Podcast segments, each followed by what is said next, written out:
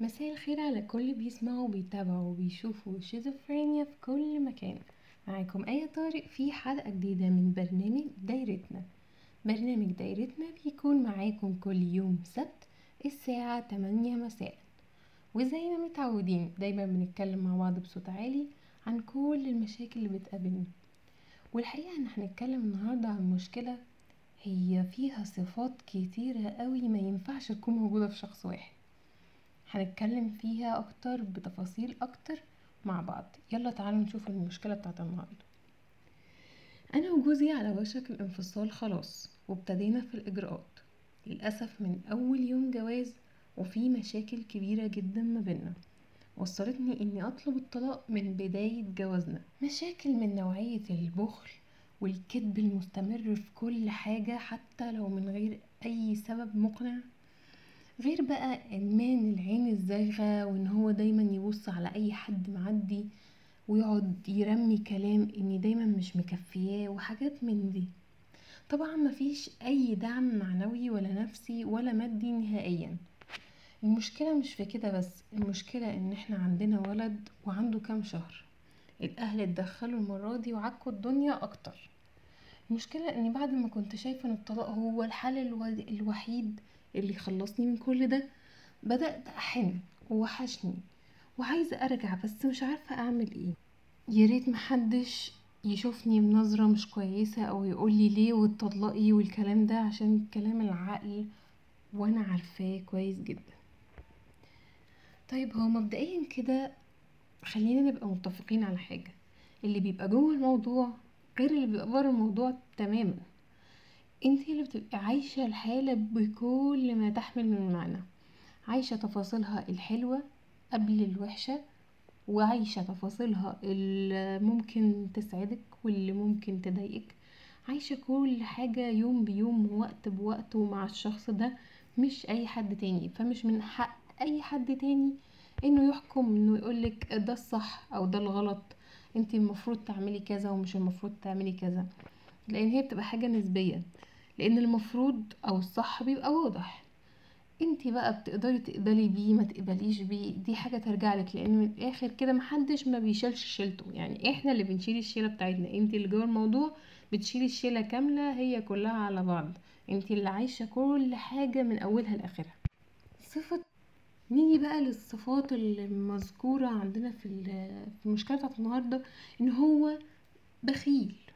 مبدئيا كده البخل ده من أكبر المشاكل اللي ممكن تقابل العلاقات ما بين الناس. حتى لو كانت علاقة صحاب عادية مش اتنين متجوزين دايما الناس بتشاور على البخيل ده إنه مش كويس أو إنه دايما بيستغل اللي قدامه عشان ما يدفعش أي حاجة أو يبقى مثلا عايز يبقى في حاله ويبقى مش مندمج مع الناس. ففي كل الأحوال البخل ده من أكتر الصفات اللي أول ما بتشوفيها انت لازم تبعدي عن البني آدم ده.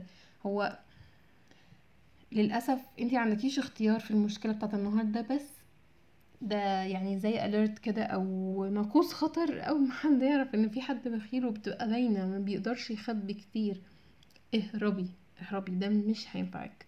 كون بقى إن انت قبل إن هو بخيل قبل إن هو بيكذب على طول يعني واحد بيكذب على طول فخلاص انت انت بتقولي مش هتعرفي تعيشي معاه.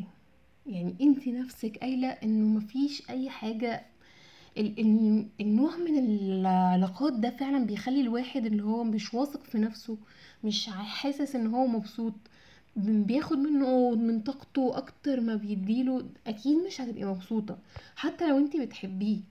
مش معنى ان إحنا بنقول الكلام ده أو ان انت بتقولي الكلام ده وانت متضايقة منه في حاجة ان انت مش بتحبيه انت بتحبيه وهو ابو ابنك. بس هي الفكرة انه هو مش مناسب ليكي. وبدل مش مناسب ليكي قدامك حل من الاتنين يا تتطلقوا بالمعروف وده المتعارف عليه لأن انت مش هتقدري تكملي حياتك معاه يا إما هتكملي حياتك معاه عشان خاطر ابنك وتضحي بحاجات وتتنازلي بحاجات. والتنازلات والتضحيات دي محدش هيقدر يقولك انت اللي تعمليها ولا مين اللي ما يعملهاش لأن هي مشكلتك ولأن هو موضوعك. ما تستنيش من حد يقولك حل المشكلة. لأن حل المشكلة زي ما قلنا هيبقى باي بوك بالكتاب كده نفتح الكتاب. لا بني آدم بخيل بني آدم بيكذب بيقعد يعني يضايقني في الرايحة وفي الجاية بيحسسني إني مش مالية عينه مش مكفياه هفقد ثقة في نفسي مش هبقى حابة أي حاجة هكره حياتي هكره عيشتي مش هدي لابني الطاقة اللي هو يحتاجها. فليه نوصل لل- لللفة دي كلها في حين إن إحنا ممكن يعني عادي نتطلق؟ أو ما نبقاش مع بعض بس في احترام في العلاقة لأن هي دي أساس كل العلاقات مش بس علاقات الجواز أو الارتباط. بلاش بلاش ترخصي من نفسك خصوصا إنه حد مش مقدر ده. يعني انتي قلتي كمية عيوب محدش يستحملها. عايزة تكملي وتستحمليها بس هو مش مقدر ده وهو مش هيبطل ده. لأن انتي بتتكلمي في صفات أو طباع عمرها ما هتتغير. ولو تاخدي حد وتغيريه الكلام ده ما بيحصلش. الكلام ده يعني في المشمش يا سي مشمش. يعني مفيش حاجة بتحصل. فانتي اللي عندك دلوقتي إنك يا إما تتأقلمي وما تشتكيش وأي حاجة هيعملها هتبقى مباحة لأنه انتي قبلتي بإن انتي تكوني معاه قبلتي بالتصرفات دي قبلتي بالطبع ده تحت مسمى الحب الحب اللي إحنا مبهدلينه معانا في كل حاجة ده لأن مسمى الحب ده يعني اللي بيحبني بجد هيخاف عليا اللي بيحبني بجد مش هيضايقني اللي بيحبني بجد هيحاول يعمل أي حاجة عشان يقدر يسعدني أو يقدر وجودي يقدر اللي أنا بعمله عشانه ويقدر هو أصلا أهمية وجودي ووجود ابنه معاه. فإحنا عمالين نمرمط الحب في الرايحة في الجاية الصراحة. اللي انتي فيه ده انتي اللي هتقرريه محدش هيقولك اتطلقي. لأن هو ده اللي المفروض يحصل بس لو مش ده اللي هيحصل خليكي زي ما انتي بس اعرفي انك هتخسري نفسك مع الوقت وهتندمي انك ما خدتيش الخطوة دي.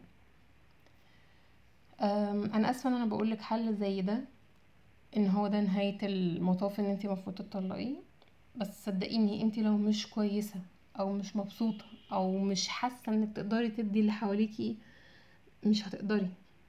مش هتقدري تدي لابنك الحنان المفروض ياخده والرعاية ومش هتقدري إن أنتي تحبي حد تاني غيره ومش هتقدري إن أنتي تطلعي من البابل اللي أنتي حطيتي نفسك فيها دي. فحاولي إنك يعني تغيري من طريقة تفكيرك وحاولي حاولي حاولي دايما إنك تخلي بالك من نفسك الأول. كانت معاكم آية طارق في دايرتنا. أتمنى تكون الحلقة عجبتكم وأتمنى لكل الناس إن تكون بألف خير. باي باي.